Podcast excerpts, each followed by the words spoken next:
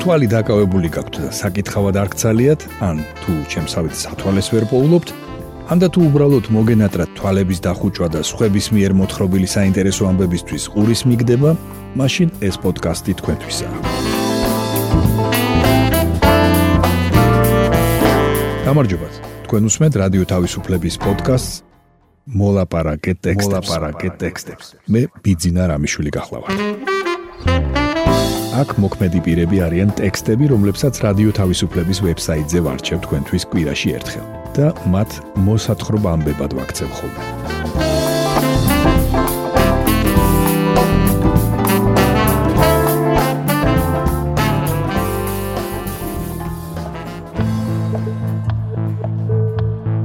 დღეს ვისაუბრებთ იმაზე თუ როგორ აღიქვამენ ქვეყანაში მიმდინარე პოლიტიკურ პროცესებს ახალგაზრდები.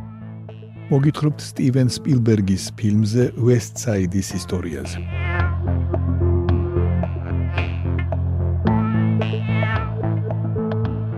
მოისმინეთ ლაშა ბუღაძის ტექსტი მე ეს არ მჭირდება.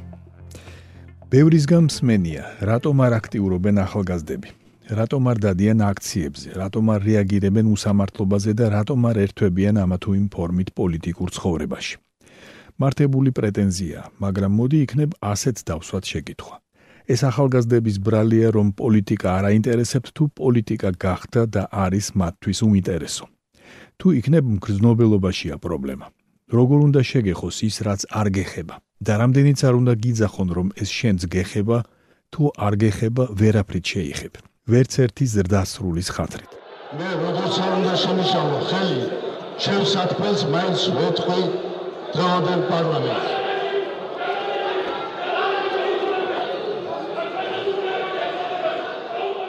ამ საკითხზე მას შემდეგ დავფიქრდი, როცა სტუდენტებთან საუბრისას მესამე პრეზიდენტის ჩამოსვლის შემდგომ განვითარებულ მოვლენებს, უფრო კი მისდამი შურის მაძიებლურ თუ პირიქით მიმტევებულ ტენდენციებს შევეხეთ.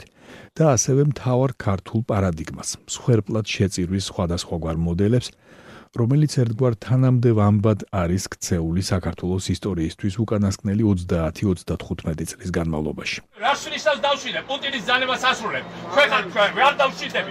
არ დავშვიდები ლეკმო ივანიშვილის. რას? ლეკმო ოდო სწორედ ამ საუბრისას მივხვდი. მივხვდი კი არა, ერთ-ერთის პასუხმა მიმახვედრა, რომ ახალგაზრდებისთვის, რომლებიც 90-იანების შემდგომ დაიბადნენ 2000-იანებში, ყველაფერი პოლიტიკის მთელი ეს ოპერულ პოლიტიკური პათეტიკურობა რბილად რომ ვთქვათ ძალიან ძალიან გაუგებარია.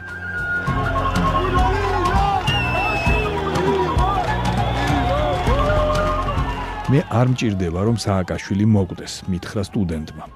მე არ მჭირდება ზუსტად ასე. ხო მას ეს არ სჭირდებოდა იმის მიუხედავად რომ ის სწორედაც ადამიანურად უთანაგზნობდა ამ ადამიანს ღელავდა კიდეც მის გამო და გაუმართლებლად მიიჩნევდა ხელისუფლების სისასტიკეს მაგრამ ვერაფრით უკავშირებდა ამ ეგზისტენციალურ დრამას საკუთარ ცხოვრებას მიზნებს და გამოწვევებს. დიახასია 21 საუკუნის ახალგაზრდას არ სჭირდება რომ ვინმე მოკვდეს მისი მომავლის გამო რადგან მას არც ესმის სახელდობ რომელ ან ვის მომავალზეა ლაპარაკი როცა აწყოში უამრავი პრაგმატული პრობლემა აქვს გადასალახი და ვერაფრით ხვდება როგორ გადაჭრის ამ პრობლემებს მოქმედი პოლიტიკოსის მსხვერპლშეწირვითა და აპოთეოზით. უბრალოდ ეს ენა, ეს პათოსი არ ესმის. უფრო სწორად კი ესმის, მაგრამ სწორედაც არ ჭირდება. მას არავისთვის უთხოვია, რომ მსხვერპლად გაეღო თავი და შესაბამისად ასეთი ექსტრემალურობა მისთვის უცხო აუხსნელი და იქნებ გროტესკულიც კია. რატომ სთხოვენ იმაზე რეაგირებას, რაც მისი ინტერესის საგანი არც იყო? ნუ კვდება ჩემთვის. ენა და აქედან გამომდინარე ქცევაც, რომელიც თავისუფლებისთვის საკუთარი თავის მსხვერპლად გაღებას, ან რეჟიმთან სისხლის ბოლო წვეთამდე ბრძოლას გულისხმობს, ამ პირობითი ახალგაზრდისთვის რბილად რომ ვთქვათ, უარგუმენტო და ძალიან შორეულია. ანაქრონიზმია. დასაძრახი არაფერია ამაში, რომ ადამიანს კონდეს და აქვს კიდეც პრაგმატული და არა აბსტრაქტული მიზანი. კონდეს ცოდნა, კონდეს შემოსავალი და კონდეს დასაქმების და თვითრეალიზების შესაძლებლობა. და სწორედ იქ და იმის ესმოდეს, ვინც ამ პრობლემებზე ეხმიანება. ხოდა რა კავშირშია მსხვერპლშეწირვის აქტი მის ცოდნასთან ან თავის გატანის თუ დამკვიდრების შესაძლებლობასთან? ცხადია ის შეგვიძლია დავამუნათოთ კიდეც თვალთახედვის სიმწირის გამო. შევარცხვინოთ, რომ არ ესმის თავისუფლების ფასი ან დაუღალავად ვექადაგოთ, რომ სინამდვილეში ყველა მისი პრობლემა სწორედ მაშინ გადაწყდება, როცა ავტოკრატიას ერთხელ და სამუდამოდ დაამარცხებს თავისუფლება. მაგრამ მას მაინც ექსცენტრულად და უაზრობად მოეჩვენება ყველა ის ქმედება, რომელიც მისი მცირე თუ დიდი და რაც თავარია კონკრეტული პრობლემების გადაჭრისკენ არ იქნება მიმართული. სიტყვა თავისუფლება გარკვეულ რომანტიკულ შემადგენელს შეიცავს იმ თაობისთვის, რომელსაც ახსოვს საბჭოთა წარსული. გასული საუკუნის 80-იანი წლები, ეროვნული მოძრაობა, ან თუნდაც ვარდების რევოლუცია, რომლის თანაშემოქმედადაც მიიჩნევს თავს, მაგრამ დღეს ეს სიტყვა თავისუფლება საკმაოდ ზუსტი შინაარსის მატარებელია, რომელსაც ერთნი მეტისმეტად მარჯვნიდან კითხულობენ, მეორენი კი მარცხნიდან. ვგულისხმობ იდეოლოგიურ მიმართებებს. და სხვებისთვის კი საერთოდ არც არის რაიმე იდეასთან ან გამოწვევასთან მიბმული. რუსული ოკუპაცია ის მოცემულობაა, რაც ცხოვრების თანამდევია და სამწუხაროდ შეჩოულ ჭირთა კატეგორიას განეკუთვნება, რომელიც სულ იყო, არის და სავარაუდოდ კიდევ დიდხანს იქნება. და ამიტომ ამ პრობლემისგან ზომიერი პასიური თუ აქტიური დისტანციაც ცხოვრების ნაწილად იქცა. როცა სწავლის განვითარების მცირე ხელფასიანი სამსახურის პრობლემაც არ არის მოგვარებული და ამ დროს პოლიტიკოსები ისტორიული პრობლემების გადაჭრისკენ მოუწოდებენ სიკვდილ სიცოცხლის ზღვარზე გასვლით, მათთვის ეს სულ სხვა ოპერაა. არა აქტუალური სამყაროდან მოსული ძველი და უსარგებლო ხმაური. ეს ტექსტი ბუნებრივია არც ვინმეს გასაკიცხად დამიწერია და არც პოლიტიკური აქტიურობის ან გულგრილობის მიზეზის დასადგენად. მით უფრო არც ვინმეს თავგანწირვის დასაკნინებლად. უბრალოდ შეკითხვა მინდა დავსვა. აქვს კი შედეგი იმ გვარქცევას, რომელიც საჭიროების განცდას არ უჩენს ადამიანებს. ამ შემთხვევაში ახალგაზრდებს. ან იმენაზე ლაპარაკს, რომელიც შესაძლოა ამაღელვებელია, მაგრამ ცერემონიალურ და მუდამ ყვირალა მოწოდებად ქცეულა? იმაზე მეტად ხომ არ დაძველდა რაიმე ვიდრე წარმოგვიდგენია. მით უფრო მაშინ როცა შესაძლოა ვინმეს იმის განცდაც კი დარჩეს, რომ ადამიანები მსხვერპლად არა მაინც და მაინც იდეალებს, არამედ ძალაუფლებას ეწირებიან. ძალაუფლების ქიმერებს. თან მაშინ როცა ამის პრაგმატული საჭიროება არც არის. ან ყოველ შემთხვევაში როცა ეს არავის ჭირდება. მართალია პრობლემები უცვლელია, მაგრამ ყველა დროს თავისი გამოხატვის ენა და ფორმა აქვს. ეს გახდათ ლაშა ბუღაძის სტატია მე ეს არ მჭირდება თქვენ უსმენთ პოდკასტს მოლაპარაკე ტექსტებს. ახლა გთავაზობთ გოგი გვახარიას რეცენზიას 2021 წლის მთავარი ფილმი საქართველოს ეკრანებზე ზეიმი ბოლოს და ბოლოს შედგა ვესტსაიდის ისტორია, რომლის გადაღება სტივენ სპილბერგმა ჯერ კიდევ 2019 წლის გაზაფხულზე დაიწყო კინოთეატრებშია.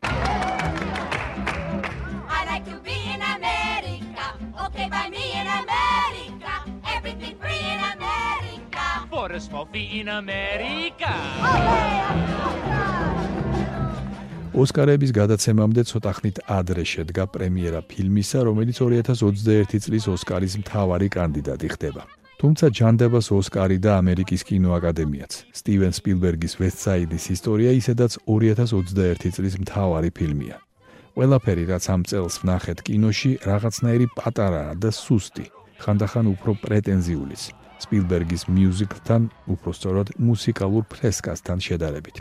ცხადია სპილბერგმა კარგად იცის როგორ მართოს პუბლიკის ემოციები, მაგრამ მას ბევრი თანამედროვე რეჟისორისგან განსხვავებით ერთი თვისება აქვს. არასდროს ენდობა მხოლოდ საკუთარ თავს და მიუხედავად იმისა, რომ კინოს ენის, კინოს შესაძლებლობების, კინოს ისტორიის ცოდნის თვალსაზრისით თანამედროვე ჰოლივუდში ბადალი არ ყავს, ალბათ მარტინ სკორსეზეს გარდა კატეგორიულად უარყოფს საავტორო კინოს იდეას.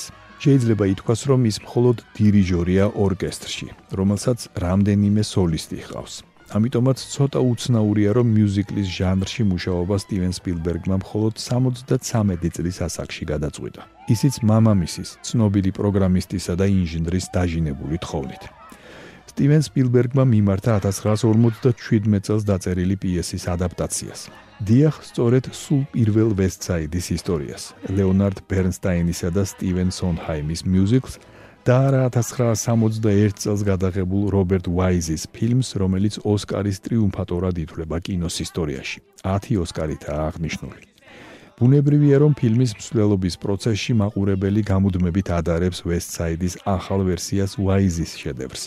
თუმცა თუ არ ვწდები ჯერ არც ერთ სერიოზულ კრიტიკოსს არ უთქვამს ორიგინალი უკეთესიაო. ან პირიქით, ახალი ვერსია უფრო შთამბეჭდავიაო. ასე არაა, მიუხედავად იმისა, რომ ორივე ფილმს ერთი ნაწარმოები დაედო საფუძვლად. მიუხედავად იმისა, რომ სპილბერგის სურათი ვაიზის კლასიკური ფილმის არამარტო გაცოცხლება, არამედ მისთვის მარადიული შედევრის სახელის მინიჭებაცაა, ეს არის ორი განსხვავებული კინო. ვაიზის თეატრალურ დეკორატიულობას წარმოუდგენლად ლამას დიზაინერულ სტილს აქ უპირისპირდება ზედმიწევნით ზუსტად აღდგენილი 50-იანი წლების ნიუ-იორკი. თითქმის დოკუმენტური გამოსახულება. და რაც თავარია ის, რაც ძველ მიუზიკლში იყო, მაგრამ იყო მეორე პლანზე სოციალური სიმძაფრე სპილბერგთან წინ გამოვიდა. არა, სტივენ სპილბერგის ვესტსაიდის ისტორია მიუხედავად ბერნსტაინის გენიალური მუსიკისა, ჯერომ რობინსის უკტავი ქორეოგრაფიისა, არც თეატრია და არც ბროდვეის მიუზიკლი.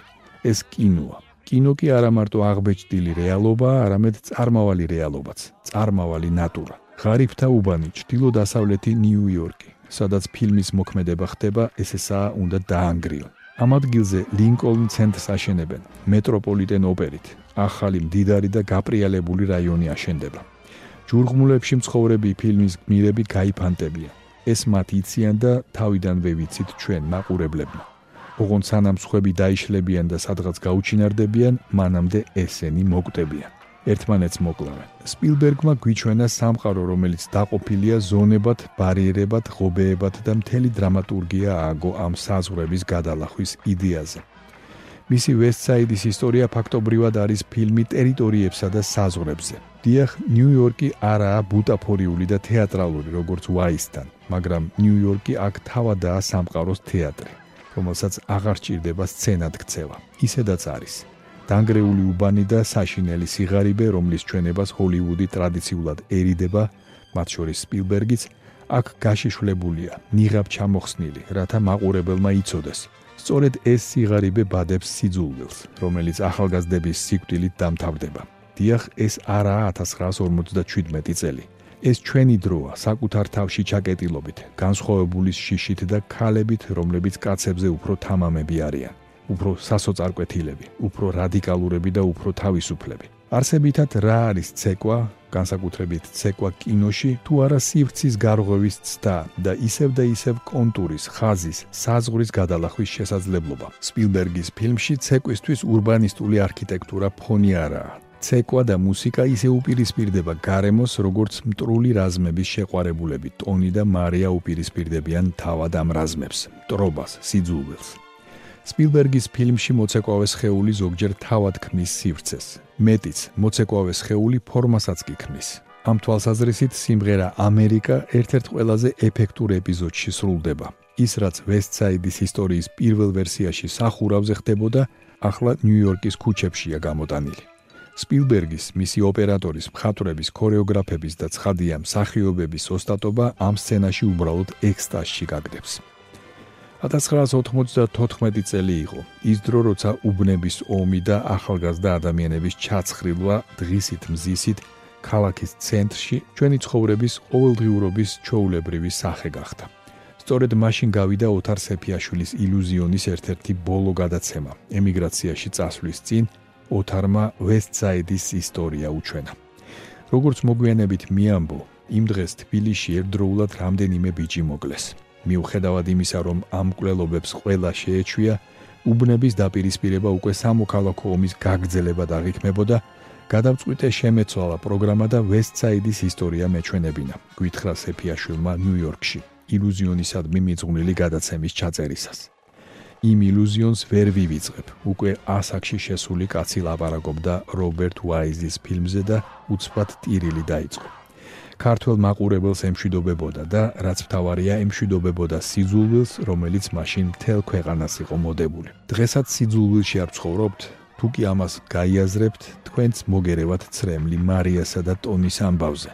რომელიც ახლა უკვე სტივენ სპილბერგმა წარმოგვიდგინა 2021 წლის მთავარ ფილმში. ეს გახლავთ გოგი გვახარიას რეცენზია 2021 წლის მთავარი ფილმი საქართველოს ეკრანებზე.